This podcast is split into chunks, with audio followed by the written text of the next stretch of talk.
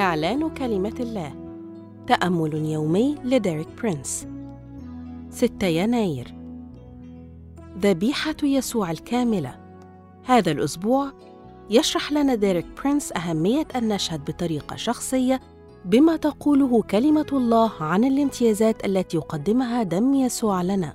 واليوم يوضح لنا مدى كمال ذبيحة يسوع في التكفير عن خطايا الجنس البشري كله.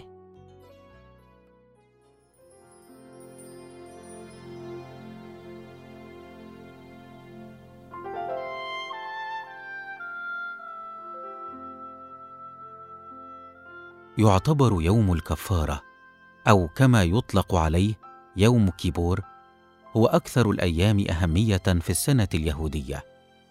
وتظهر أهميته في أنه في ذلك اليوم كان رئيس الكهنة يدخل إلى قدس الأقداس ومعه دم الذبائح التي تكفر عن خطايا الشعب لمدة سنة أخرى. وهذا ما يؤكده سفر اللاويين الإصحاح السادس عشر والعدد الرابع عشر فيقول ثم يأخذ أي رئيس الكهنة من دم الثور وينضح بإصبعه على وجه الغطاء إلى الشرق وقدام الغطاء ينضح سبع مرات من الدم بإصبعه. كان الدم وحده هو الذي يصنع الكفارة عن خطايا شعب الله ويجب جلبه لمحضر الله العظيم في قدس الأقداس.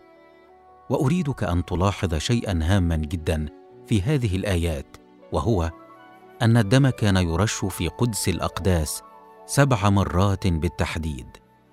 وهذا العدد ليس من قبيل الصدفة لأن رقم سبعة في الكتاب المقدس يشير إلى عمل الروح القدس ورقم سبعة أيضا هو رقم الكمال.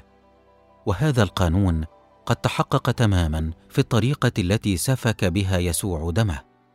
فقد سفك دم يسوع سبع مرات قبل أن تكتمل ذبيحة الفداء.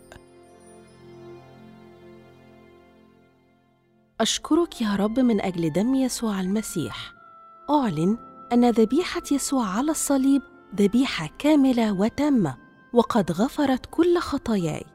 وأشهد بما تقوله الكلمة المقدسة عن ما يصنعه دم يسوع لي أمام الشيطان. آمين.